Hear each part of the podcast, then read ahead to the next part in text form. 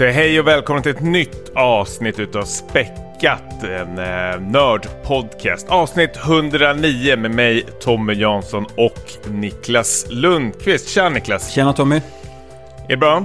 Ja, det är bra. Jag är lite... Alltid så jävla dåliga är vi på att inleda känns som. hur, hur, är det med, hur är det med dig?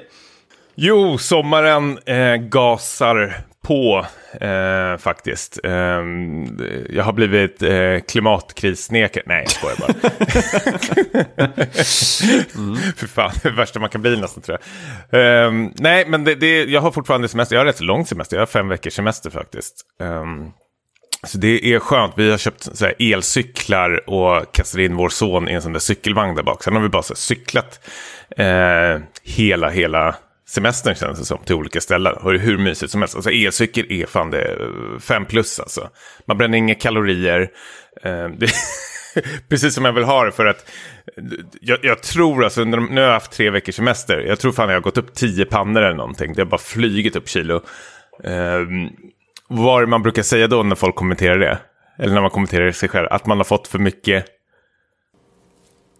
Jag vet. Man har fått för mycket av det goda. Jaha. jag trodde att det var något snusk igen. Ja, men precis. För jag träffade ju dig för några veckor sedan och det, man har ju levt på Aperol Spritz sen, eh, sen dag ett på semestern. ja, men det är sommarens drink nummer ett, får man väl säga. Eh, lite Aperol, lite Prosecco, lite bubbelvatten, en, en liten apelsin eh, klyfta eller vad man säger. Och sen är det klart. Ja, jag, så, jag, såg en helt ny sida hos dig när jag var hemma hos dig och vi eh, hällde upp några Aperol Spritz, eller blandade ihop gör man. Men eh, att du började liksom, du var så ivrig att du började äta apelsinklyftorna innan Aperol Spritzen var klar. Alltså, ja. och, och, då tänker jag alltid på det där um, TikTok-klippet, eller kanske ett gammalt wine-klipp, där det är en tjej som frågar när en kille som äter sån där isglass, sådär väldigt groteskt, då säger hon så här, do you eat pussy like that? ja, det kan få man ju fundera på. Nej, men jag, tror, jag, jag blev för ivrig helt enkelt och åt upp eh, klyftorna som vi skulle ha till drinkarna sen. Det var ju en lång kväll så vi... Apelsinen skulle ju räcka. köpa mer. ja, i princip. Nej, men det var riktigt nice. Ja, det jag skulle säga egentligen var väl att jag såg en väldigt så här, fin och söt sida hos dig. Det är när du är onykter och du är inte, så här, du är inte dyngrak men du är lite så här, full i fan. Och så kommer du med ditt glas skakandes med isbitarna liksom så här, klingandes och säger ska man, ska man ta en liten Aperol en liten, en liten spritsen? ja, och jag går alltid till dig också för jag tänker att det är du som är lättast att få med på tåget. inte svårövertalad direkt. Nej, precis. Uh. Nej, du, den var redan färdigblandad mm. nästan. Mm.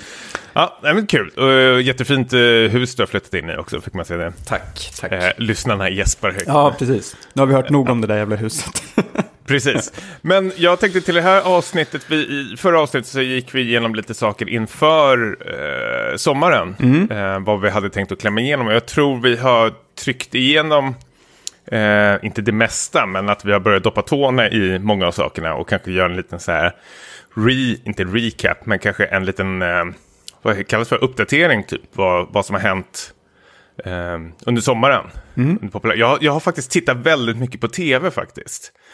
Eh, och inte under dagen, utan då har jag varit ute, men efter nattning så har jag och min fru faktiskt suttit och klämt en hel del. Jag har inte spelat så mycket, utan det har blivit väldigt mycket tv-serietittande. Men vi återkommer till det. Mm.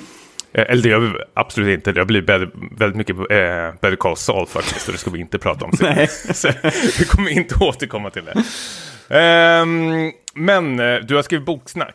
Ja, eh, jag tänkte väl mest apropå förra avsnittet så nämnde vi ju att vi skulle prata om böcker, så gjorde vi aldrig det. Eh, så vi kan, vi kan väl ta det bara lite kort, för det, mm, sommaren är väl kanske bästa tiden på året att läsa böcker, för mig i alla fall. Uh, Jättebra, för jag vill uh, komma in med lite saker. Så mm. kör. Uh, kan bara berätta lite kort uh, om, om min sommar nu här. För jag har ju inte gått på semester än, utan jag jobbar ju ganska lugnt, får man väl säga att jag har. Men jag bemannar ibland vårt bibliotek där, där jag jobbar. och då får man ju liksom sitta i lånedisken och ibland svara på frågor från folk som kommer och vill ha boktips. Vilket kan vara svårt för mig som typ inte läser böcker att komma med någon, något så här liksom fräscht och aktuellt det var någon tjej som kom fram till mig på, när jag satt där och bad om något sorgligt. Eh, hon hade kanske fått sitt hjärta krossat eller någonting. Hon ville ha någonting som... tog, tog du fram någon sån här Jason Schreier-bok? Blood, sweat and pixels. uh, nej, jag borde kanske ha gjort det. Nej, men vi... Uh, nej, jag skickade henne till typ hyllan där vi har biografier, självbiografier. Brukar väl sluta sorgligt på något sätt. Men sen såg jag att hon gick, uh, gick ut från biblioteket utan att ha lånat något. Så det föll platt. Mission failed. Um, men då tänkte jag så här, ah, det var väl inte därför det är lite påhittat kanske, men tänkte jag, jag måste börja läsa böcker igen så att jag har lite att komma med när folk här liksom vill ha lite tips.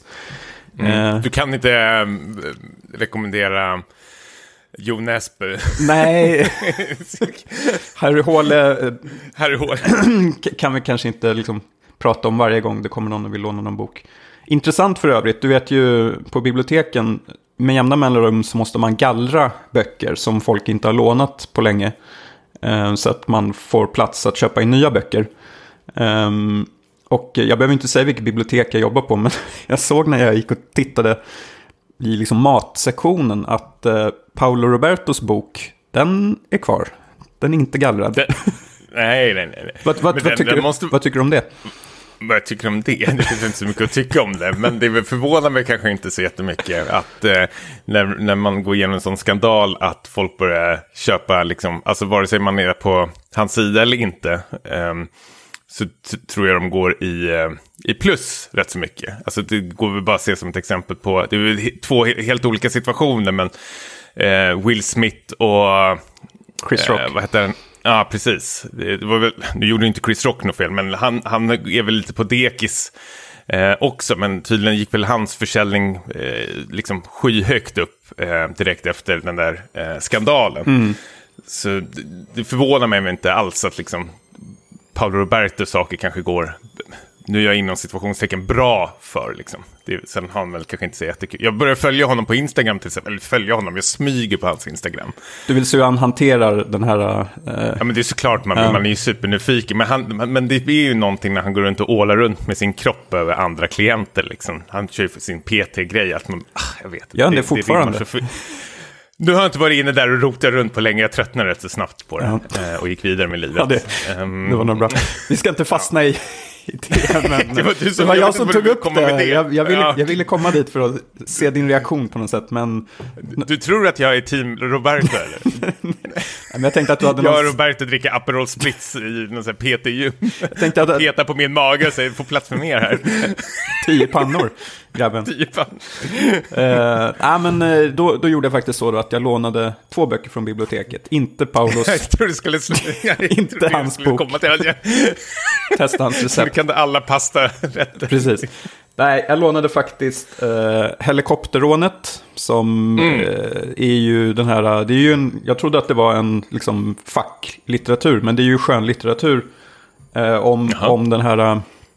Eh, G4S. Ja, men exakt. Eh, värdetransportrånet med helikoptern där i Västberga. Eh, och, och, det är ju, den har väl, historien har väl snabba kashifierats. Om man kan säga så. Mm. Men den är väldigt... Den har väl fått... Mm. Ja, men den är, den är underhållande och rolig. Och det var liksom precis vad jag behövde. Uh, det är typ så här, kapitlen är korta och uh, uh, det är ganska enkelt att ta sig igenom den här. Jag tänker att det, jag ska inte börja med någon jäkla tegelsten som jag känner att det här kommer jag aldrig läsa klart. Så den är... Men får jag vara lite kritisk där då? Ja, kör på. Okej, okay. det där gillar du inte jag, jag var ju en av dem som hatade eh, för det började ju efter det här G4S-rånet, eh, nästan rätt så snabbt efteråt, så var det ju precis den där loggan som du håller upp, när det är en sån här automatvapen som är en eh, helikopter typ. Som sitter upp någon som har gjort någon snygg design tycker man. Men du börjar printa t-shirts och allting sånt där. Och eh, alltså själva historien är ju väldigt så här, häpnadsväckande. Men det vart ju väldigt så här, glorifierande. Och många av de här äh, gisslan som var där inne var bland annat en höggravid kvinna.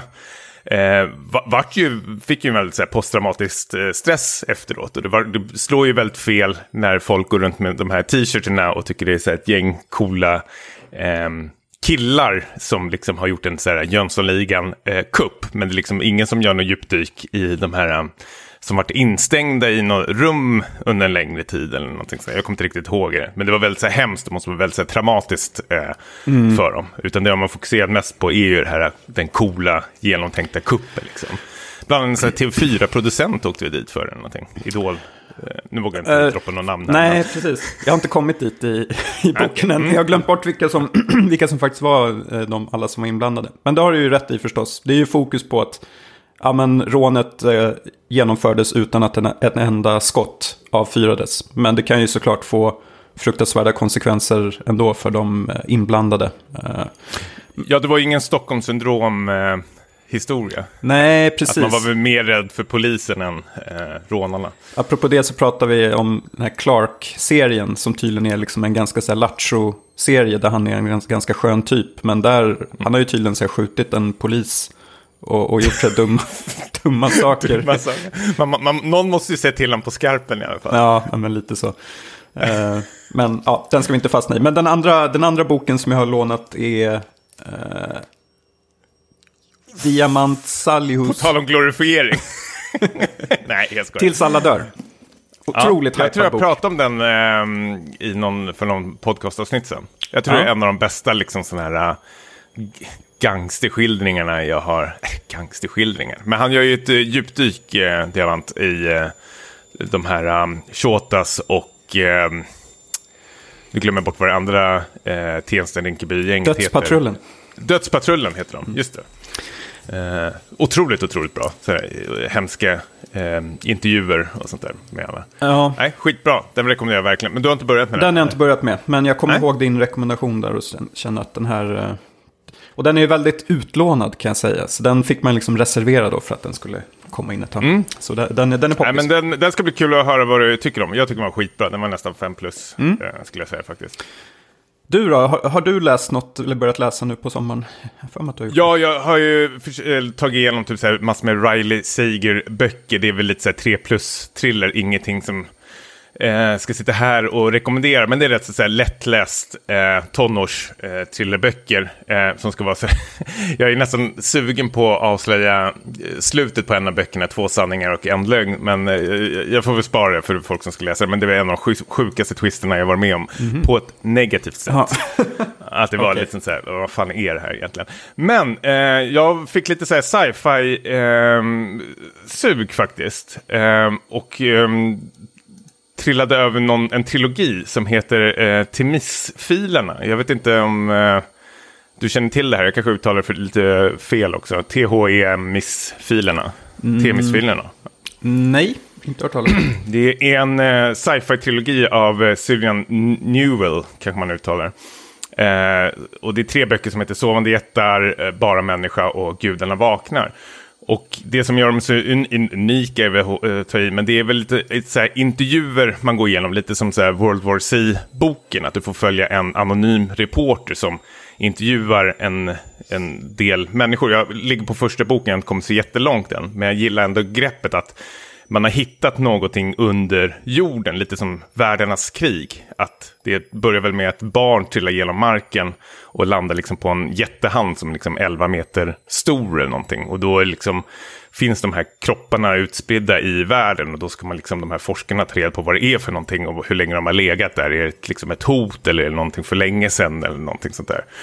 Um, och då får du följa den här, man vet inte om det är en reporter eller en forskare eller någon som jobbar inom någon slags här, myndighet eller någonting som åker runt och intervjuar en massa människor runt om i hela världen.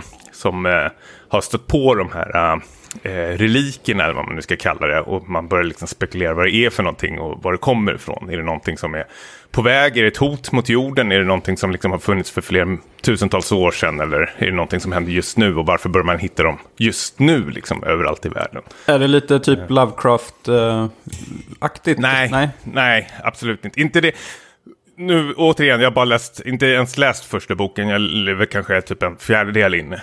Så det här, jag vet knappt någonting. Mm. Det, tänk dig mer typ att det är lite lätt, eh, ja men, redaktörs sci-fi lite. Det, du får följa liksom en intervjuare som ställer frågor och så får du svar och så är det väl lite, jag, jag tror det är väl lite mer, eh, eh, uh, nu glömmer jag bort vad han heter.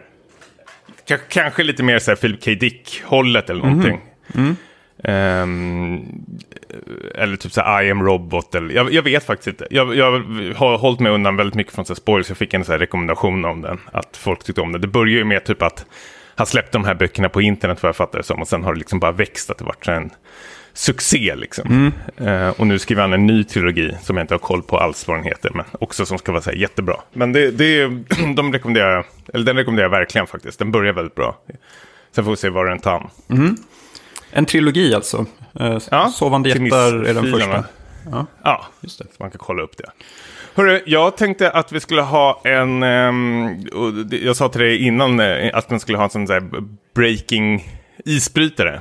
Mm -hmm. uh, innan avsnittet. Att vi ska inför varje avsnitt, i början av avsnittet, gå igenom alla filmer från 2020, inte alla filmer, men våra, vår, våra favorit, våran favoritfilm från 2020 och så backar vi tillbaks ett år för varje avsnitt. Så i det här avsnittet så säger vi bara snabbt och kort vad vår bästa film är från 2020.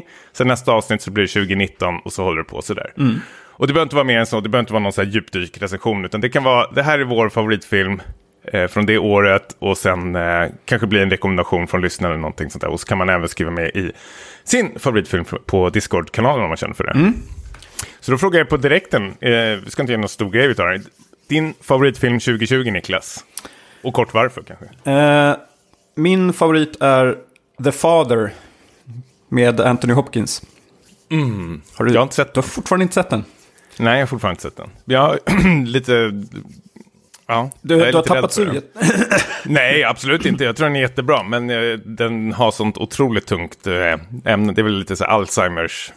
Ja, men den är gjord på ett väl, väldigt fyndigt sätt får man väl säga. Trots att det är ett fruktansvärt ämne så är den väldigt... Eh, men den är ju lite så här Christopher Nolan gjord. Att den leker med tid och perspektiv och sånt. Att eh, eh Anthony Hopkins går ner sig djupare och djupare i den här labyrinten och det, inget är vad det verkar vara. Uh, och den är väldigt så här kort, den är kort också, den är 90 minuter lång. Så, och den finns tror jag på diverse streaming-sites. Så... Du tog ner på sin gäster och allt. Ja, exakt. Så den är lätt att se. Så The Father är min favorit från 2020. Den ska jag nog se ikväll till och med. Mm. Jag är jättesugen på den, har varit länge. Ja, coolt. Eh, jag tar en, eh, min favoritfilm från 2020 är en eh, Charles Kaufman-film, I'm thinking of ending things. Det här surrealistiska eh, filmen om ett par som ska hälsa på en eh, po pojkvännens eh, föräldrar ute i landsbygden. Eh, otroligt så här, kaufmatisk eh, film. Um, väldigt sådär hoppig och strulig och surrealistisk och allting. Men väldigt, väldigt, väldigt fin och otroligt sådär härligt eh, slut. Den är absolut inte lika kort som The Father. Father. Jag tror den klockar över två timmar den här. Men mm. Jag, jag, tycker att man absolut ska se den. Den finns på Netflix. Den är skitsnygg, jättemysig, eh, härlig och ja, men typiskt Kaufman-film. Eh, den är otroligt härligt eh, hantverk faktiskt. Och den har du sett också. Ja, det är topp tre eh, från det året för mig. Eh, två filmer som inte är kanske superupplyftande. men, men de bör ses definitivt. Mm. Absolut. Uh, så det är I'm thinking about ending things och The Father. Du nämnde ju där att vi ska följa upp lite vad vi pratade om förra gången. Um, alltså so sommarpopulärkultur helt enkelt, det vi konsumerar. Jag tänkte att jag ska börja med ett spel som vi nämnde. Som är på allas eh, kattläppar just nu. Uh, Stray. På allas katt. Ja. Det är, I mitt flöde så är det, verkar det vara många som spelar detta. Uh, jag tror att du har kanske testat det som hastigast, eller inte ens det. Jag vet inte. Uh, jag tyckte jag såg något, men vi, vi kan komma till det. har, uh, har, du varit rotat runt? Jag har rotat runt, gjort research innan. Mm, bra. Väldigt kort så är det, det är väl kattsimulator möter eh, cyberpunk. Eh, man spelar som en kisse som eh, i en postapokalyptisk värld eh, tappar bort sina kompisar. Och ehm, man ska helt enkelt titta tillbaka till sin kattflock. Och det gör man genom att man ska utforska en, en stor cyberpunk-stad som befolkas av enbart eh, robotar. För mänskligheten är utdöd som det verkar.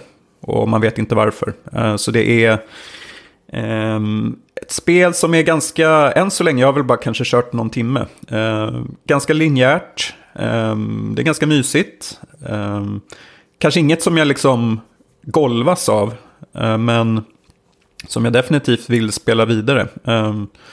Påminner lite om samma grepp som Little Nightmares-spelen gör. Att man spelar liksom som en liten varelse som ser, om man säger den stora vuxna världen. Eh, och saker och ting eh, blir ju såklart väldigt annorlunda från det perspektivet. Så det tycker jag är fräscht och katten rör ju sig väldigt realistiskt. De har, de har gjort sin research där, uppenbarligen. um, vad, vad, tyckte du av det? Du sitter och skruvar på dig lite här. Nej, nej, nej, men äh, helt ärligt så eh, äh, laddade jag ner på kvällskvisten äh, av ren nyfikenhet för att liksom doppa kattassarna i det. uh, du skrattar? Nej, nej, kör på. Nej.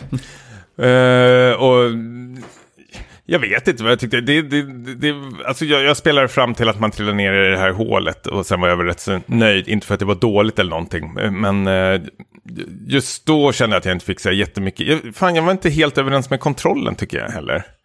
Eh, till en början. Men eh, det är kanske något man kommer in i.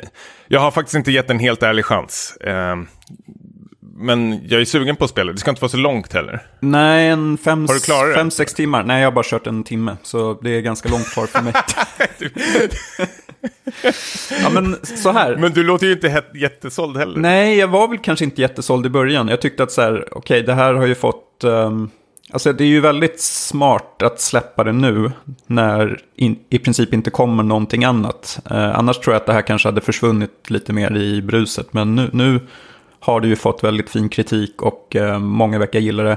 Men jag såg ändå inte riktigt i början så här vad som är den stora eh, liksom, uspen. Men typ en timma in så kommer man ju till, eh, då kommer man mer till en så här hubb-del.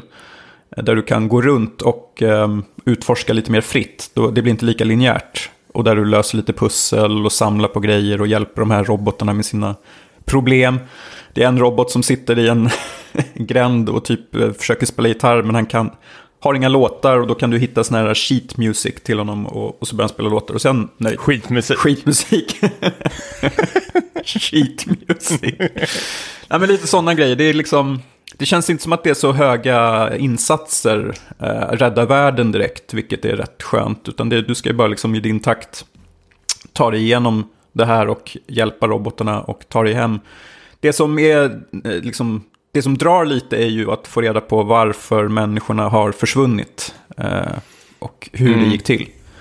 Um, det... Men bryr man sig så mycket om det då? För jag känner, är inte det lite som eh, de här Horizon Zero Dawn, heter de så? Mm. Alltså Forbidden West och allting. Mm. Eh, också hade som att man skulle, liksom själva mysteriet var väl eh, vad som har hänt med den här planeten. Men jag känner att jag inte brydde mig för allting var så dåligt skrivet runt om det. Att jag tröttnade rätt så snabbt. Att det, det fick vara som det var. Jag sket i det liksom. nu ska jag plocka upp det tänkte jag. Eh, nu när det kom någon så härlig uppdatering. Men mm.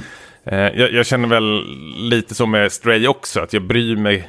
Jag är mest intresserad av kanske mer eh, vad ska man säga, liksom miljön. För jag tyckte det såg rätt så tufft ut när, eh, på de här trailerna jag sett när man hoppar runt. Jag tror det skulle utspela sig i någon slags nutids Hongkong, Tokyo eller någonting. Eh, mm. Första gången jag såg det. Mm.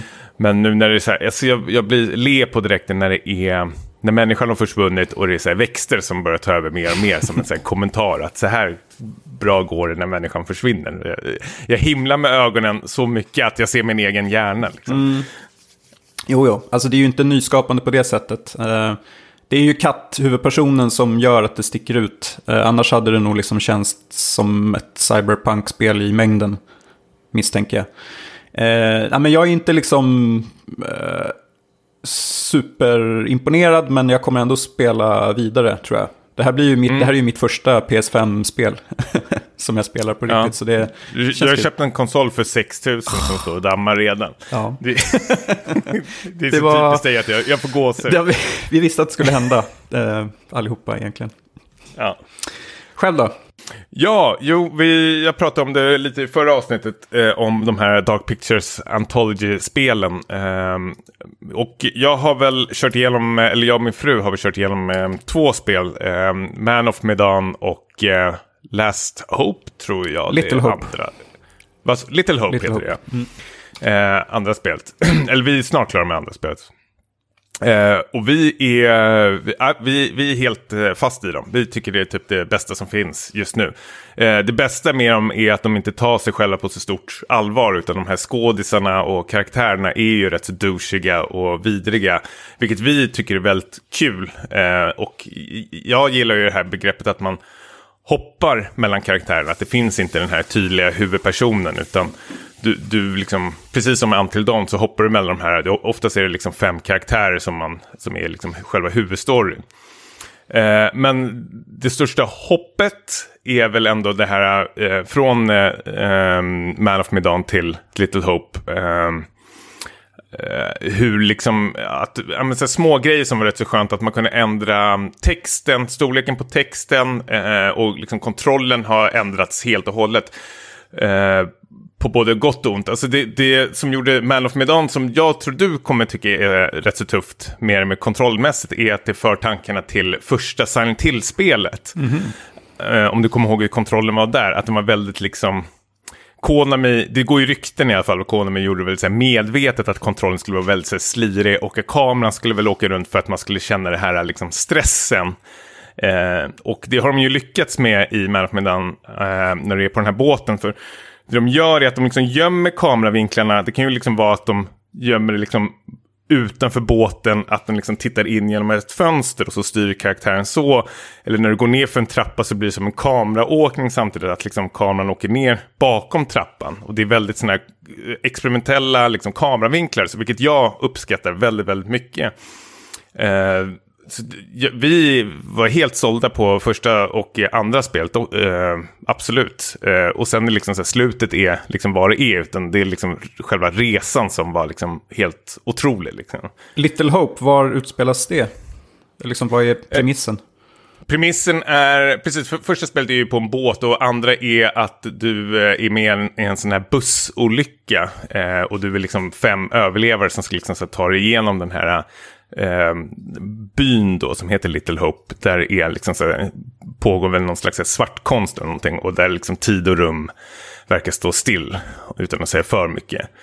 Men det är liksom, det, det är jättedåligt skrivet, det är eh, inte platta karaktärer, men det är väldigt så här, stereotypiska eh, skräckkaraktärer. Eh, men liksom, om man gillar det som jag gör, alltså man märker ju själv att de inte tar, tar liksom, det på så stort allvar, att det är med glimten i ögat hela tiden. Så, så sugs man ändå in i det och det är väldigt kul att göra de här valen med de här karaktärerna för att få den här liksom, eh, upplösningen i, mot slutet liksom. Eh, och det känns väldigt mycket som vi hyllade första Walking Dead-spelet. Att liksom, det, det känns som de här valen man gör, de här snabba valen, att de påverkar storyn eller någonting. Eh, och att karaktärerna reagerar på ett eh, roligt sätt faktiskt. Så jag, jag, jag, alltså, jag hade absolut inte varit lika förtjust i det här om jag satt och spelade själv. Vet Nej. jag. Utan det här är någonting jag vill spela med eh, min fru. Vi har väldigt kul tillsammans. Jag tror det är perfekta liksom, eh, parspelet om båda gillar skräckspel. Så är det här en absolut rekommendation eh, att sitta och ta sig igenom Visst, finns det något mer i den här serien? eh, eller är det de här två? Alltså Dark Nej, det, det finns tre spel och sen ska det komma ett fjärde. Ja. Eh, men vi har köpt de tre första. Och du, man kan ladda ner de två första spelen eh, gratis om man är så här, Playstation Extra eller Premium. ja, just det. Då finns de gratis. Eh, så om man är det, då, finns, då är det ingen liksom, snack om saken, det är bara att tanka ner. Men det här är ju bara en, liksom, en uppbyggnad för att vi ska ta oss igenom The Quarry eh, som vi har hemma. Men vi är lite så här OCD att vi vill ta det i rätt ordning. Ja, jag fattar. Hur, är du peppad på det här? Är det något du ska Jo, men ta eh, tag i, tänkte du? Man of Medan lät ju lite intressant. Um, med just det Silent Hill-jämförelserna. Och jag antar att liksom kontrollen, att den är slirig, kanske får det att kännas som att man halkar runt på däck på en båt. eh, där man inte riktigt har fotfästet. Eh, nej. Nej. Nej. Nej, då skiter vi i det. Nej, men, Ja, eh, ja. nej, men eh, absolut. Det, alltså, jag har ju PS, eh, Playstation Extra Så de finns ju där. Eh, Och du har ett Playstation 5. Ja, precis. Som dammar och behöver Ja. användas. Men du, för jag vet att du brukar ju spela lite med din eh, fru. Mm. Är det här någonting som du skulle se att ni spelar tillsammans? Jag kan se det framför mig. Ehm, Min förhoppning är att vi ska spela The Quarry senare i höst. Men att jag ska testa något av de här, eller Man of Medan då kanske, på henne för att se om det är en bra idé. Eller om vi bara ska lägga ner projektet direkt. För de är ju ganska korta de här, väl? det är väl ett par, tre De är timmar. jättekorta. Det- Ja, precis. Fyra, fem timmar skulle jag säga i alla fall. Ja. Eh, Man tar igen väldigt... på ett par kvällar så tar man sig igenom dem. Ja, två kvällar absolut. eh, Med en liten Aperol Spritz i handen. Och sen är de väldigt linjära. Det är liksom, Mm. Ja, det det är inte sådana här jobbiga pussel och pick och klicka och sånt där. Utan det är, det är straight on faktiskt. Så det, det är det som är skönt med de spelen också. Man, det känns som man är i rörelse hela tiden Mm. framåt. Utan man står aldrig och trampar någonstans och håller på och letar efter saker. Utan det är, man kör på. Ja, ja, men eh, jag är sugen. Helt klart. Mm. Eh, ska vi hoppa över till tv-serier? Jag nämnde inte den här serien i förra avsnittet, men jag tar upp den ändå. Ehm, för det är då, jag har sett säsong tre av Barry. Alltså Mm. Alec Berg och eh, Bill... Hej där. Bill Haders eh, tv-serie då om den här uh, yrkesmördaren som kommer till eh, Hollywood för ett eh, case, eller vad man säger. Och nästlar sig in på en liten sån här amatörteatergrupp eh, då för att eh, inte synas. Och så visar det sig att han har en talang för skådespeleri och eh, dras in i den här produktionen samtidigt som han då ska eh, ja, mörda folk helt enkelt. Och det blir eh, roliga förväxlingar. Det här är ju något som jag inte var helt eh, liksom, su- sugen på inledningsvis. Men sen hörde jag väldigt fina omdömen och eh, såg första säsongen. Och eh, det, de två första säsongerna är fantastiskt bra. Men det är ju mer fokus på humor där kanske än mörker. Men i säsong tre så har den liksom slagit över till andra sidan. Nu är det tonvikten är att det är väldigt eh, nattsvart. Eh, Oj saker som karaktärer har gjort i tidigare säsonger kommer liksom tillbaks och hemsöker dem lite grann. Och eh, det... Ehm, eh, jag, jag skulle dra det så långt som att ehm, det är eh, den mest så här, liksom, tra tragiska Hollywood... Eller liksom skildringen av krossade Hollywood-drömmar och mörker sen en viss David Lynch-film. Om du vet vilken jag tänker på. Ja. Mulholland Drive då förstås. Ehm, så jag är helt uh, golvad av den här tredje säsongen. Oj, det låter jätte... Jag, är, jag var jättesugen på den här serien eh, väldigt, väldigt länge. Jag älskar ju Bill Hader. Jag tycker han faktiskt är väldigt, väldigt eh, bra. Han är väl en av de bättre av de här eh, Seth Rogen-gänget. Han väl, skulle väl kunna räknas eh, som en del utav det skulle jag vilja säga nästan. Ja. Ehm, men har lyckats här, bry, bryta sig loss kanske från dem lite mer. Ehm, men eh, jag har varit sugen på det, men jag är ju som jag är och har känt att jag ska sitta så här och vänta in det här. Ehm, men eh, är det värt det eller ska jag hoppa på också? Alltså så här tycker jag, eftersom fjärde säsongen är, eh, har grönt ljus och är, tror jag, pre-production redan. Säg att den kommer om ett år då. Eh, om jag var du så skulle jag vänta tills den kommer och titta i kapp så att du är typ i fas när säsong fyra börjar. Men, men säsong fyra är inte sista. Det vet jag faktiskt inte. Jag tror inte att det är sagt ehm, om, om det är den sista. Det kan komma mer. eh, jag hoppas nästan att det inte kommer så jättemycket mer. För att det, ehm, det känns som att eh, eh, ja, man ska sluta när man ligger på plus och, och allt det där. Men eh, det som är skönt med den här serien är att du kommer ju snabbt ta, ta dig i kapp. För det eh, varje säsong består av åtta avsnitt som är liksom 25 minuter långa typ. Så att det, blir, det går oerhört fort att eh, beta av det här. Jag tror jag såg säsong tre på en eller två dagar. Jag måste bara nämna lite eh, att den, det har så otroligt sköna karaktärer. Bland annat en av birollerna är den här eh, sköna Nu vart jag, karaktären. nu vart, jag, Ja, nu- nu- nu såg jag att du började lite- Ja, när du använde ord som sköna karaktärer. Ja, det kanske inte riktigt var... Det är ju såhär Paolo Roberto-karaktärer. Nej, nej, men om du minns han ehm, Henry Winkler som är med i Arrested Development som familjens advokat. Och han spelar... ja, Han är rektorn i första... Armless Man. Ja, han är rektorn i den första Scream-filmen också. Den är så här gråhårig, lite så här halvlång. Is that you Freddy? Han, Kommer, förlåt, nej, det, det, nej, nu, Nej. Du, kan inte, sp- spå- det, det är ju en otroligt bra scen. Är det inte Wes Craven som är Freddy, eh, vaktmästaren. vaktmästaren? Ja, precis. Som är Freddy Krueger, Ja. så fick jag det sagt. Det, det är fem plus, bara där är Scream det bästa filmen som finns Ja, någonsin. absolut. Så, ja, absolut. Eh, ja, men han har man ju saknat jättemycket och eh, han gör en otroligt bra roll. Eh, jag tror att, han, att det pratas om en Emmy-nominering nu för honom. Eh, han spelar liksom ledaren för den här teatergruppen och eh, är otroligt rolig men visar att han, kan, att han har bredd i sitt skådespeleri. Ehm, och eh, ja, nej, men det här, eh, Bill Hader måste liksom tas på allvar nu som kanske en av de stora eh, serieskaparna, alltså i, i modern tid får, jag, får man lov att säga, bara efter de här tre säsongerna. Otroligt imponerande. Ja, men det, det känns som att han har lagt så jävla mycket fokus på att vara så här, röstskådespelare på många så här animerade filmer. Var, han verkar brinna väldigt mycket för det. Och det är Mm. någonting jag inte eh, uppskattar så jättemycket. Nej, eh, Men han är ju med mycket, South Park har han varit med och mycket Pixar-filmer och, och eh, allting. Allting säger jag, det, det tog slut där. det tycks, nej men en teori, Han, men eh, just det, han är med i It ju, kommer jag på ju. just det, It 2. Ja, It 2. Ja. Men jag tänker att han gör de där skitfilmerna för att liksom samla ihop cash så han Casha kan, in, kan göra de här prestigeprojekten som Barry då. Mm. Eh, ja, men de- den borde alla verkligen se. Eh, sen hur man tar sig an det får man väl välja själv. Men eh, jag hade ju glömt bort en hel del, ska sägas. För att det gick flera år mellan säsong två och säsong tre på grund av Mm. covid, eh, nedstängningar och sånt.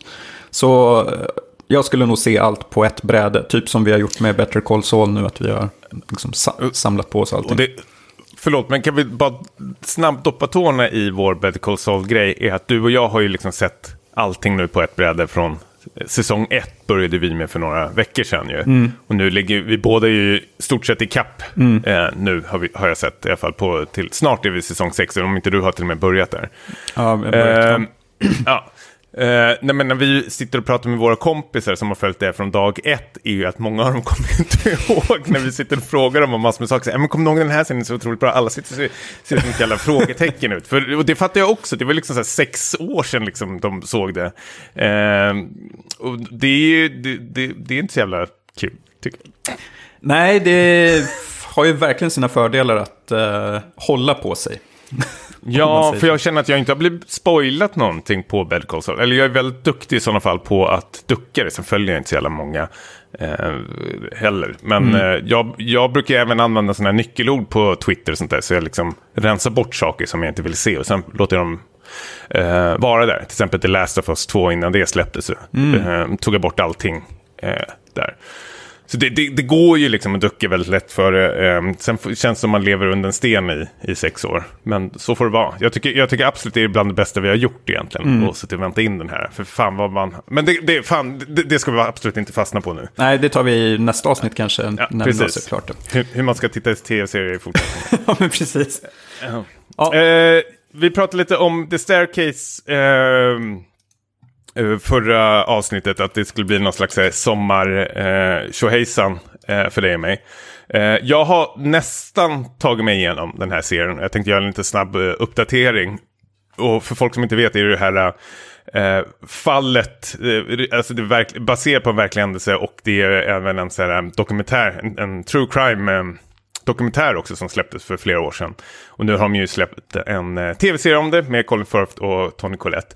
Eh, och jag som älskar det här fallet, eller älskar det, men eh, tyckte det var väldigt intressant och tyckte om dokumentären väldigt mycket. Är inte så här super imponerad utav den här dramatiseringen. Eh, den är inte dålig, men det känns som väldigt, eh, för jag tycker skådespelarna är otroligt, otroligt bra. Jag tycker Colin Firth och Tony Collette liksom äger rummet. Liksom. De är skitduktiga.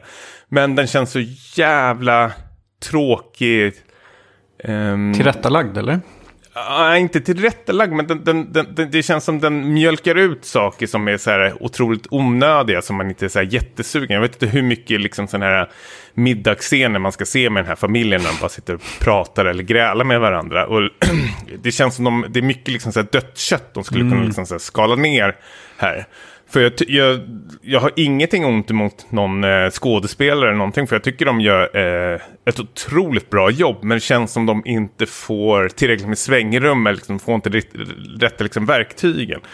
Eh, jag tror det är väl några sådana här scener där Tony Collette ska liksom så här... Eh, ehm, hon som är den här mördade mamman då, att de ska liksom dramatisera de här eh, scenerna hur hon har dött. Och då får man ju se liksom, ja men en när det är liksom mannen som mördar henne eller en när hon trillar ner för trappen själv. Liksom. Du får se olika perspektiv. Och då gör hon så här otrolig jävla eh, rollpresentation. Men det känns liksom så här, själva kamerarbetet och liksom setting, allting runt omkring henne liksom klaffar inte så jävla bra. Liksom. Man känner inte det där lilla extra liksom, som de skulle kunna göra. Liksom. Det känns väldigt så tv-producerat. Mm. Eh, om du förstår vad jag menar. Mm. På vissa ställen väldigt, väldigt så här, platt. Eh, och det tycker jag är väldigt synd. Sen är det ju helt otroligt att det finns ju en scen där Colin Firth äter Tony Colettes röv i köket. ja, det är... där, där kände jag ingenting heller, men den, det, bara det är väldigt kul när han drar ner sig byxorna på henne och börjar äta henne i arslet. ja, då kanske värt att titta vidare då. Ja, han börjar lukta efter Emmy där nu. Men du, du har inte hunnit titta något? Eller? Nej, vi har, jag har bara sett uh, två avsnitt. Um, ja. har, vi, har, vi körde fast lite där, men jag vill ju se klart det. Um, men... Ja, men det är ju miniserie. Det är åtta avsnitt. Ja. Men redan där, jag har ju sett sex avsnitt kanske, eller fem. Men jag känner redan nu att det är liksom, och det är väldigt tydligt uppdelat i eh, de fyra första avsnittet är där liksom eh, dokumentärs, första dokumentärserien slutade. Mm. Och andra är liksom där andra dokumentärserien börjar då. Just det. Och slutar. Så den delar ju upp det väldigt tydligt. Men jag, jag vet inte, det kanske är bara också för att man vet liksom var det här caset ska ta vägen och sånt där. Men Oh, eh, ja, jag, är inte så jättespännande. Avsnitten är väldigt, väldigt långa också. Det är liksom nästan en timme. Mm. Så det, och det känns som att man inte får ut så mycket av det. Den, eh, ja, den tuggar väl mer än vad den bits nästan. Ja, okej. Okay. En liten axelryckning tyvärr, låter det som. Ja, faktiskt, hittills. Men nu har jag inte sett klart det. Men det skulle ge, väl, ge väldigt, väldigt mycket för att det ska bli liksom en helt... Eh, omsvepande vändning. Liksom. Men jag tror fan inte det, tyvärr. Det en, men jag rekommenderar den i alla fall. Men det är en sån där skön 3 plus eh, sommar, mis, liksom mordmystery om man nu har den tiden. Så skulle jag kunna rekommendera faktiskt. Mm. Jag har även eh, hunnit med och sett en hel del film i sommar. Eh, och eh, när det är sommar så finns det ju någon grej att man, man tar ju liksom den här eh, barskrapet nästan, skitfilmerna. Och jag, ty jag, tycker ändå om sånt att man, man medvetet väljer ut det här. Det här kommer bli så jävla uselt, men jag gillar ändå eh, premissen. För någon dag sedan, eller igår såg jag liksom Don't Brief 2 som var så här otroligt horribel. eh, så, eh, men nu såg jag Escape Room 2 med min eh, fru. Och vi två är ju båda sådana här escape room-fantaster. Vi har ju till och med rest runt i världen eh, och eh, utmanat olika escape rooms. Eh, och, tycker om själva konceptet och gillar de här, även de här escape room-spelen som vi har pratat lite om. Så det här kan väl inte bli fel, tänker man väl, när de här escape room-filmerna kommer. Men grejen är att det, det är ju mer sådana här SAV-filmer, att du ska liksom här, trycka in de här människorna eh, i ett rum. Alltså korta drag, Escape Room 2 slut, eh, börjar där Escape Room 1 slutar. Alltså du får följa liksom två av överlevarna eh, som nu liksom ska eh, ta vidare den här turneringen för att stoppa de här eh, såklart rika männen som liksom anordnar de här tävlingarna. Och då är det någon slags här, super escape room-grej där de bästa av de bästa ska liksom samarbeta igenom. Men alltså, du har sett första filmen vet jag. Ja. Ja, och du, du ja, okej. Okay, ja, men det var, det var ju lite som du säger där, det kändes som en så-film. Och det kändes inte som att man som tittare hade någon möjlighet att vara med och lösa de här pusslerna överhuvudtaget. Det går väldigt snabbt alltså. Ja. Och det går ju ännu, alltså den, de här escape roomen är ju nästan som på schack ibland. Alltså de är så här, see, oh, seagull, goal, oh, goal, oh, we have to score a goal. Eller någonting alltså det är så långsökt, så man bara sitter så här, vad fan är det här för någonting? Ja. Men det roligaste är ändå filmens sista 15 minuter, när de ska liksom förklara för oss tittare hur man hur, hur allting liksom hänger ihop. Liksom. För I slutet ska de göra någon slags twist utav det. Mm. Och helt plötsligt blir det mer komplext än eh, Christopher Nolans Interstellar. jag, jag, jag och min fru bara satt som två frågetecken. Vi tvungna att spåra tillbaka. För jag fattar, vad är det för någonting som händer liksom? För då ska de förklara liksom så här 20 saker samtidigt, liksom hur alla de här rummen hänger ihop och hur liksom de har planterat in massor med trådar, eh, liksom så här, lösa trådar som liksom så här, ja men såg du inte, det var framför näsan på det, liksom, idiotförklarar vi oss eh, tittare och allting också. Alltså det, det är så otroligt uselt så jag måste rekommendera eh, den här faktiskt. Mm -hmm. eh, för jag vill bara, alltså, om man vill ha någon riktigt jävla ostig eh, sommarthriller eller någonting så, så, så, ska man absolut titta på den här. För vi satt ju mest bara och skrattade och på det sättet är det väldigt, och den är väldigt kort, den är så en timme 20 minuter eller någonting. Mm. Så man går inte så här, om man ska bara ha något lättuggat så absolut. Jag tror den finns på Viaplay var det där vi såg den. Mm. Ja, men jag ska, jag ska faktiskt se den här, för jag, jag gillar ju det här, uh, ditt tänk. Premissen. Ja, nej, men premissen, det här med tänket att se lite um, lökiga filmer liksom på sommarhalvåret som 3 2. Jag måste sticka emellan med en fråga, jag vet inte om du var klar mm. där med Escape Room 2, men jag såg att, nej, nej, kör på. Jag såg att du har sett Uncharted-filmen. Ja. Och satt ett uh, ganska lågt betyg på den. Kan du inte bara säga alltså, lite kort vad, vad det var för någonting? Eh, eh, ja, men Uncharted känner vi redan till, men det här är ju något...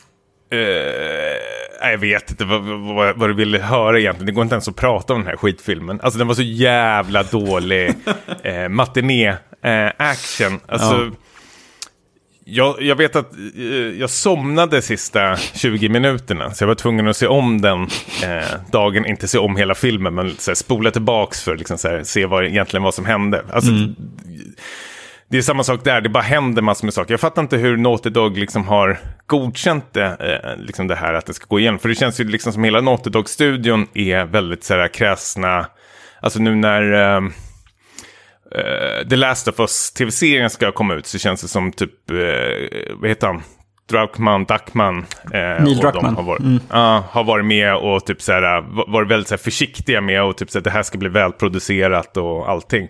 Medan Uncharted-filmen är liksom, de har bara tryckt in pengar och så har de bara liksom så här, ska det vara sådana här blinkningar till de gamla spelen? Nej, jag vet, det var, den var verkligen otroligt, otroligt usel. Men också så här, perfekt att titta på sommaren, liksom. Mm. Eh, kvällskvisten med en Aperol Spritz i, i men, men jag vill faktiskt att du ska se Escape Room 2. För den, ba, bara de sista tio minuterna och kvarten är så otroligt eh, härliga. Att det är liksom så här, man märker verkligen att manusförfattarna och regissören har sån otrolig så här, panik. Det är bara det att hur, hur den här master Minden har liksom fått ihop de här fem deltagarna. Att de liksom av en slump ska träffas på en tunnelbana eh, på tåget. Där de, som blir liksom kapat. Men det blir liksom aldrig liksom en förklaring som hur de fått alla de här fem personerna dit till tåg. Alltså det är så jävla luddigt. Det är så jävla luddigt alltså. Man kan dra åt helvete. Men se den. Ja, absolut. Den, den står på listan. I vår Discord-kanal så har vi ju en liten eh, sektion som heter eh, TV-klubben. Eh, och den har ju stått tom nu eh, fram tills häromdagen där vi gemensamt kom fram till att vi eh, har väl hittat en tv-serie som verkar vara rolig att prata om och köra en följetong här på eh, späckat. Och det är, vi har ju pratat lite om den och det är Nathan Fishers The Rehearsal. Eh, vars... Eh, Nathan Fielders. Nathan Fielders, förlåt. Mm. Nathan Fisher är någon annan. Ja, jag vet inte vem det är. Jag känner igen namnet. Är inte han med i Six Feet Under, en av karaktärerna? Ja, men det är ju. Otroligt bra serie. Ja, men for, ja, fortsätt. Ja, men precis, vi kanske ska prata om den istället. Ja, Nej. Uh, uh, The Rehearsal, Nathan Fielder, förlåt. Uh, men, uh, och tre första avsnitten har släppts på HBO och vi tänkte väl um, djupdyka i de tre första avsnitten faktiskt och komma med lite åsikter och tankar. Det är väl mest för att du och jag är väl ett stort fan av hans uh, tidiga tv-serie Nathan For You som vi har pratat en hel del om i, i späcket. Så förväntningarna var väl eh, skyhöga kan man väl säga egentligen. Eh, och eh, lite kort där Niklas, vad, vad handlar det här om egentligen? Ja, Nathan tar ju på sig då att hjälpa eh, vanliga människor eh, som står inför liksom, kanske ett jobbigt samtal. Eh, att repetera inför detta. Ehm, som i första avsnittet då, där är en, eh, en quiz-expert, eller vad man säger, som um, det visar sig att han, till skillnad från sina quizkamrater, inte har en masters degree. Vilket är då väldigt skamligt, för han har ljugit om det i typ tio år. Och vill liksom berätta hur det ligger till att eh, jag har faktiskt ingen masters. Och eh, de har ju det här quizet på en, en bar varje, varje vecka eller någonting. Och Nathan bygger då upp den här, en replika av den här baren i en stor så här, lagerlokal, en stor hangar egentligen. Är en studio. En studio. en studio. Den var väldigt stor i alla fall.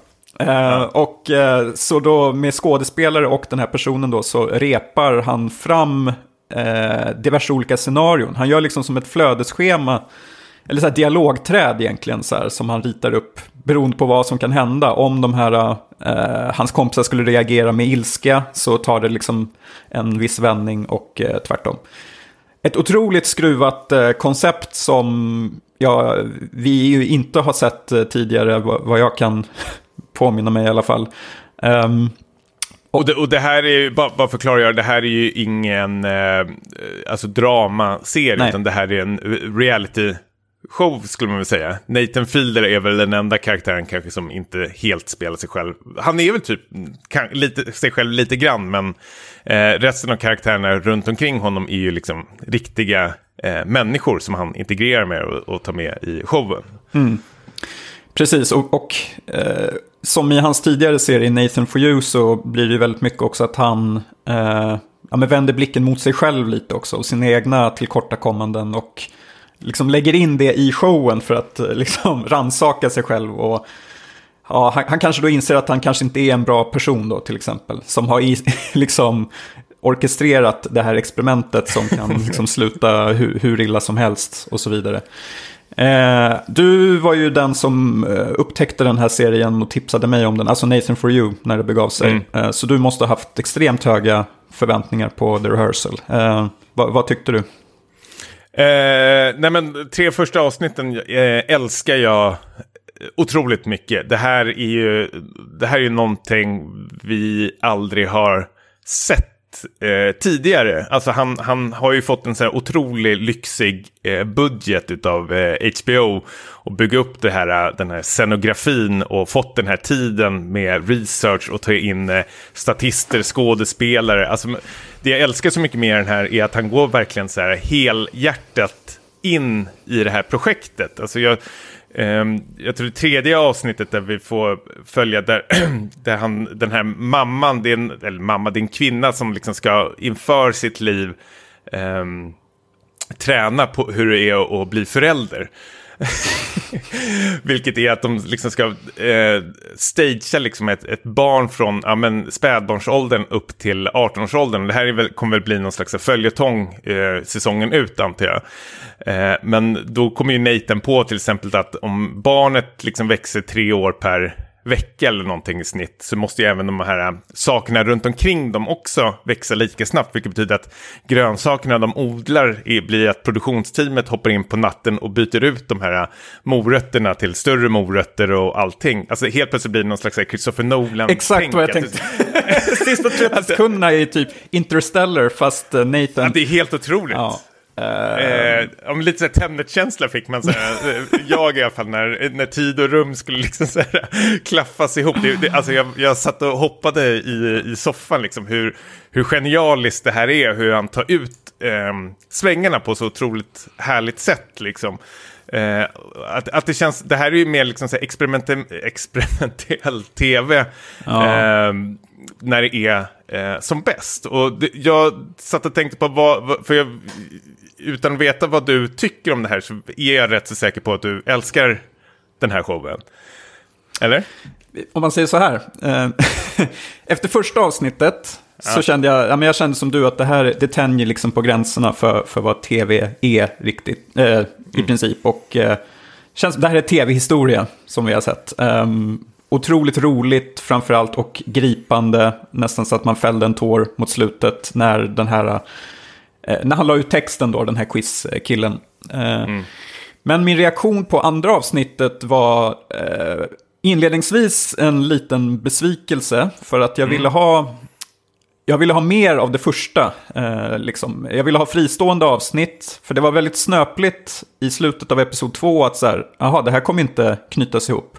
Eh, mm. det, det, blir som en cliffhanger. Nu har vi ju sett episod tre och ser nu hur det här tas vidare. Som du säger så kommer det här eh, Nathan och den här religiösa fundamentalisten som tränar på att bli förälder.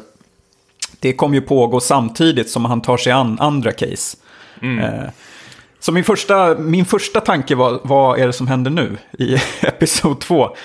Eh, men när det hade fått sjunka in lite så började jag ju förstå eh, att det här, det här är ännu sjukare än, än vad episod 1 var.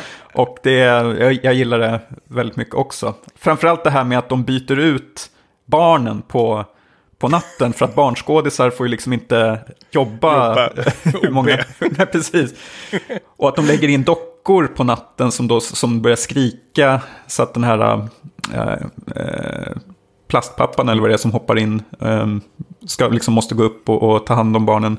Det är så otroligt sjukt, men samtidigt så förstår man liksom vad han är ute efter på något sätt. Tänker jag mig mm. att det här ja, men som Nathan som försöker balansera jobbet med papparollen och eh, barnen växer snabbt och han hinner inte ta, ta vara på varje ögonblick med liksom ettåringen. Helt plötsligt är barnet tre år, kommer ut, Ja, det är, det är bisarrt. Ja, men, ja. men det blir någon slags metagrej att samtidigt han försöker liksom prepare other people for life så är det egentligen hans eget liv som han försöker förbereda mm. just nu känns det som det mm. håller på att landa i. Att han, han gör ju sin egen rehearsal för sig själv så det blir någon slags otroligt metatänk. Och det, det, är väldigt kul det du säger med Episod 2, för jag kände exakt eh, likadant. Att man varit lite besviken kanske till, men lite så här, ah, okej, okay, vad är det här på väg nu då? Mm. Men efter att ha sett säsong 3, så växte, eller säsong 3, Episod 3, så växte andra episoden. Då förstår man liksom att det här börjar bli något, något större än vad det egentligen är. Ja. Men jag satt även och tänkte, liksom, för jag kände på mig att det, du kommer nog gilla det här minst lika mycket som jag. Eh, och jag undrar vad är det för något som gör det här programmet liksom så unikt, eller inte unikt, men vad, vad, vad, du och jag dras ju till de här typerna av program och jag tror, du får rätta mig om jag har fel, men det är det här möten med eh, unika människor. Eh, du och jag gillar ju väldigt mycket Filip och Fredriks tidiga produktioner. Eh, de typ High Chaparral och Grattis Världen och sånt där.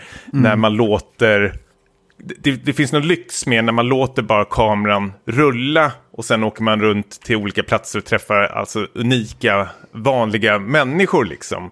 Eh, för, för liksom det är det han gör, Nathan. Han tar ju in de här människorna som har ett liv och som vill berätta någonting eller som reagerar på saker som man inte tror reagerar på. Alltså du får ju följa den här plastpappan som han liksom plockar upp nästan från eh, gatan som liksom ska dejta den här eh, superfundamentala liksom, kristna mm. eh, mamman.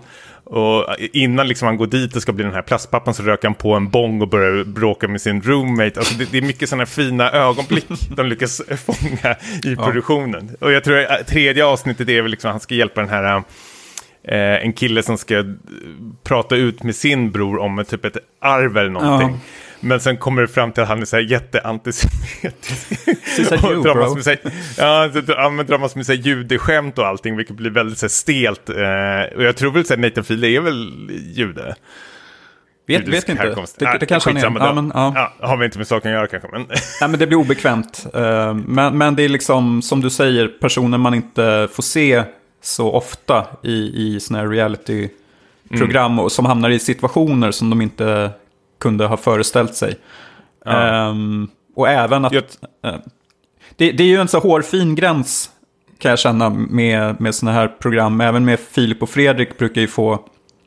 Uh, de brukar ta upp det i sin podd i alla fall att de får kritik för de här programmen när de är ute och träffar ja, men, uh, unika. unika. karaktärer. Liksom, att så här, skrattar ni åt dem eller skrattar ni med dem? Att det blir något så här lite skvip. Ja, men precis. Um, mm. Jag tycker um, The Rehearsal tycker jag ändå landar på rätt sida gränsen. Även fast den, uh, ja, den här religiösa kvinnan mm. är ju, hon, hon är väl lite knäpp. Um, Både ja och nej, men jag gillar ändå henne för att hon är ändå så ärlig. Hon är principfast. Och precis, hon, hon är så här supertransparent av sig och säger vad hon tycker och tänker och var hon står någonstans. Så jag tycker ändå det är rätt så schysst att mm. eh, bara så du vet så tycker jag och tänker jag om det här och det kanske är därför jag inte lyckas fått ett förhållande eller kan skaffa barn. För hon är väl typ så här, de firar väl typ så halloween i början av avsnitt tre. Mm. Och då är hon så här, det här kan vi inte göra för det är liksom satans påkomst. och, och Nathan börjar ifrågasätta på direkten så här, men jag har googlat det, typ så här, Google också satans. Det styrs av alltså, djävulen. Alltså, ja, precis. Eh, och redan där är, och hur han tacklar det är ju så otroligt. Han är ju väldigt, väldigt duktig med eh, människor, liksom, känns mm. som hur han tacklar de här eh, konstiga situationerna och ändå ifrågasätter fast ändå på ett så här, schysst sätt ändå utan att liksom, det blir något övertramp av det. Mm. För jag tycker ändå eh, alla människor har ju någon slags integritet, eh, vare sig de kommer från eller vad de tycker och tänker, så måste man ändå, på, på en viss gräns i alla fall, eh, respektera det i alla fall. Men man måste kunna få vara nyfiken eh, samtidigt också och, och ifrågasätta eh, var de här tankarna och sånt kommer ifrån. Jag tycker han är väldigt, väldigt eh, duktig på det.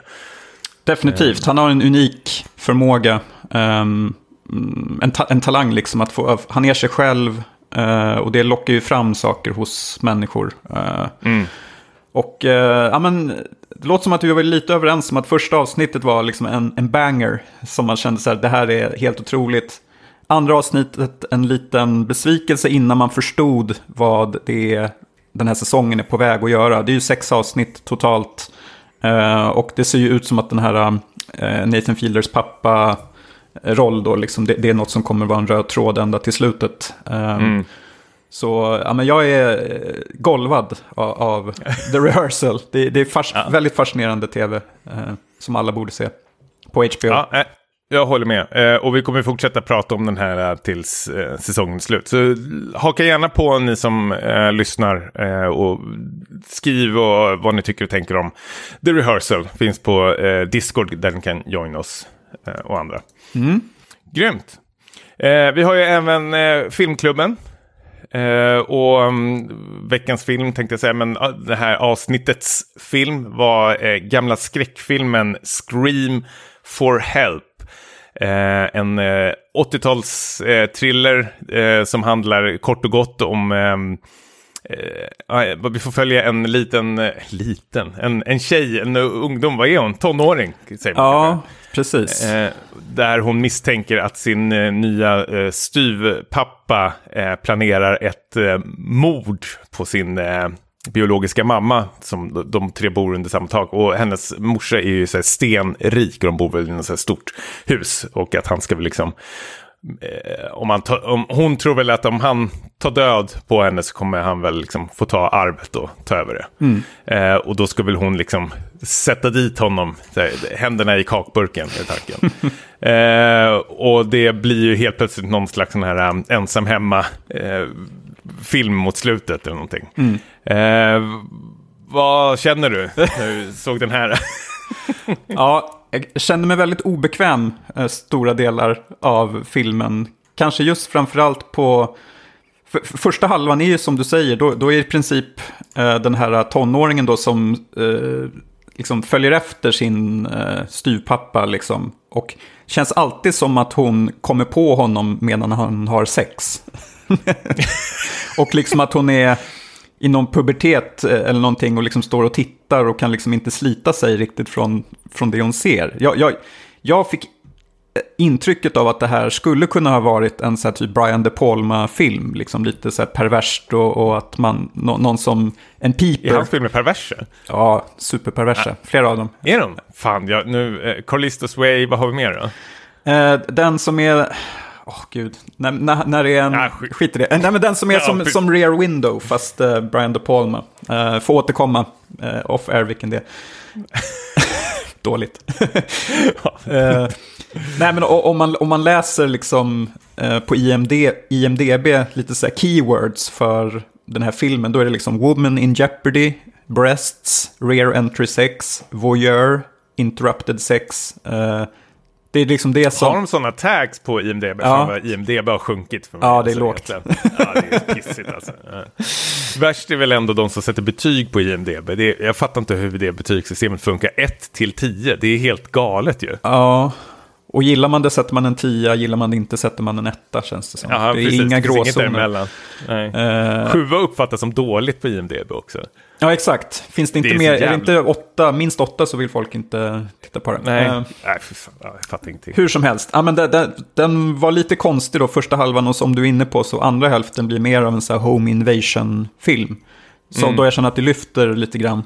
Men jag har väl redan hoppat av lite vid, vid det laget. Tappat intresset. Eh, för det är ju lite taffligt gjort. Då uselt skådespeleri. ehm, och... eh, men ändå underhållande på, något sätt. Det finns ju vissa scener som är väldigt eh, skruvade. Eh, vad, vad kände du? Var du såld Nej på men jag, vi- vissa, vissa, alltså det här är, vi, vi satt och kritiserade, vet jag från avsnittet, eh, Stranger Things för att det kanske glorifierar lite väl mycket så här 80-talet. Det här är ju en typiskt 80-talsfilm. Liksom. Det, liksom, det finns ju ingen röd tråd och deras handlingar liksom är väldigt så här, äh, omänskliga. Helt plötsligt hoppar de i säng med varandra och när de gör det så gör de det på väldigt, någonting som kan så här, för tankarna till typ kanske laddat vapen eller någon slags eh, nakna pistolen pastisch blir. Alltså det blir väldigt så här... eh, cringeigt, eh, många scener. Och jag, jag gillar ju det egentligen. Det finns ju någon scen där hon ska liksom så här förfölja sin styvpappa eh, och cyklar efter honom. Och medan är det någon slags dålig jazzmusik som spelas i bakgrunden. Och det tar henne så här, tre dagar att förfölja sin styvpappa för hon här, tappar bort var han åker någonstans med bilen och sånt där. Så de måste fortsätta. Alltså, jag, de sakerna gillar jag faktiskt väldigt, väldigt mycket. Jag tycker det är väldigt eh, kul. Men sen är den ju väldigt så här... Eh, den, den är väldigt osammanhängande, den är, den är väldigt så här, ologisk hur de här människorna reagerar på vissa saker, vilket gör att man liksom himlar med ögonen. Alltså, man kan ju se vissa saker för ehm, ironins skull. Det här är ju väldigt svår gräns tycker jag. Jag, har ju fler sådana här filmer som man har växt upp med som man tycker är roliga bara för att de är som de är. Nu har jag väl inget så bra exempel. Men här känner jag att jag liksom kanske sitter och irriterar mer på så här små saker eh, och andra saker tycker jag eh, lite mer om faktiskt, vilket gör att den blir väldigt så ojämn eh, för mig. Eh, men jag är väldigt glad samtidigt att jag har sett den, för den här ringar väldigt mycket in vad liksom, majoriteten av 80-talsfilmerna, i alla fall thrillergenren, var. Eh, alltså de här direkt till VHS-filmerna. Eh, så jag tycker liksom så här, av hi- historiskt... om man är väldigt, väldigt så filmintresserad vad liksom, så här, typiska eh, lättproducerade 80-talsfilmer är så är det här väldigt så här, eh, en film som jag tycker man, man, man ska se. Sen är det ju också Michael Winner som har gjort den, han som gjort de här Death Wish-filmerna. Så det är ju lite så här creddig regissör också som står eh, bakom den här filmen också. Ja, och den är ju... Som jag har förstått det så betraktades den som en stor flopp när den kom. Men den har ju då plockats upp av sådana som vi nu i, i modern tid. Som uppskattar det här. Många är väldigt eh, förtjusta i den här och liksom benämner den som en så här kultklassiker. Ehm, och det kan jag förstå ändå på något sätt. Eh, jag vill bara säga att den Brian De Palma-filmen heter Body Double. Som är från 1984. Alltså Inte sett, men jag vet vilken det är. Eh, otroligt bra och så här, ja, men pervers är nog liksom det bästa jag kan säga. ja, men, eh, eh, varm rekommendation. Eh, den här skulle jag väl också, alltså den finns ju på YouTube och är ganska lätt att hitta. Eh, den är ju inte klockren, tyvärr. Det är som du säger, den är väldigt ojämn. Eh, Men om man vill se en bortglömd direkt till VHS-thriller från 80-talet så är, se den här. Ja, ja men absolut. Jag, alltså, den har ju väldigt roliga one-liners eh, i den. Typ hurry up, they fucking. Eh, till exempel. Eh, alltså, jag, jag höll på att trilla av eh, stolen när jag hörde det. Ja, men hon är- Sex is just horrible. Och allt. Alltså de säger så konstiga saker. Så det, jag sätter så här, um, Aperol Spritzen i halsen.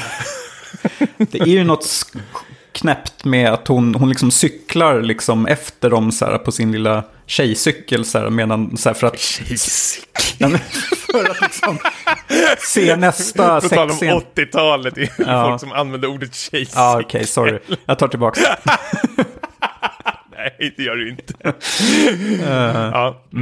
Ja, men eh, kul ändå att vi såg den. Eh, Något som inte är lika kul kanske är nästa film i filmklubben. Om du var klar där med Scream for Help. Vi, vi lämnar det här. Eh, och det är faktiskt du som har valt film. Ja. Eh, och det är väl din sommarhjärna som har valt det åt dig nästan. Ja, Som har rest. Aperol Spritzen har ja, det har slagit slint. let. Ja. Eh. Nej, men, eh, men, men det- jag gillar ändå med valet, du ska få presentera den, är väl ändå att den är väldigt, för det första är den väldigt lättillgänglig och jag tror väldigt många kanske som redan har sett den eller som kommer att se den. Eller alla, jag tror de flesta känner till den i alla fall på något ett eller annat sätt. Ja, det är ju då det The Grey Man. Bröderna Russos nya Netflix-spektakel som är deras dyraste produktion någonsin. Och som du säger så, är den det?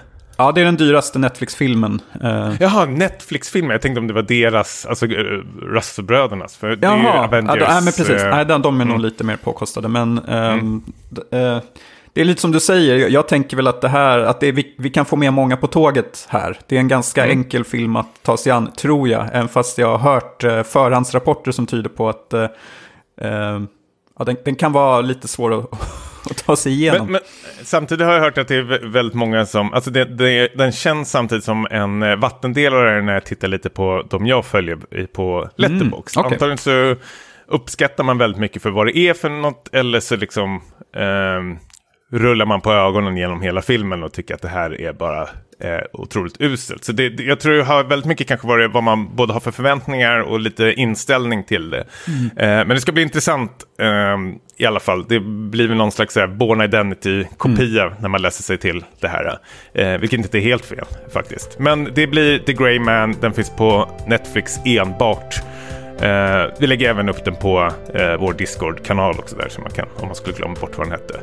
Snyggt! Då var vi klara för idag va? Du är klar för idag, eh, eller för det här avsnittet. Eh, vi finns på Discord. Eh, bara komma dit, kommentera och hänga i vår Discord-kanal. Rekommendera saker, småsnacka eller bara smyga runt. Det gör ni som ni vill. Ni alla är hjärtligt välkomna dit. Så får du det så bra Niklas, så hörs vi igen om två veckor. Det gör vi. Ha det bra. Ta hand om dig. Tja!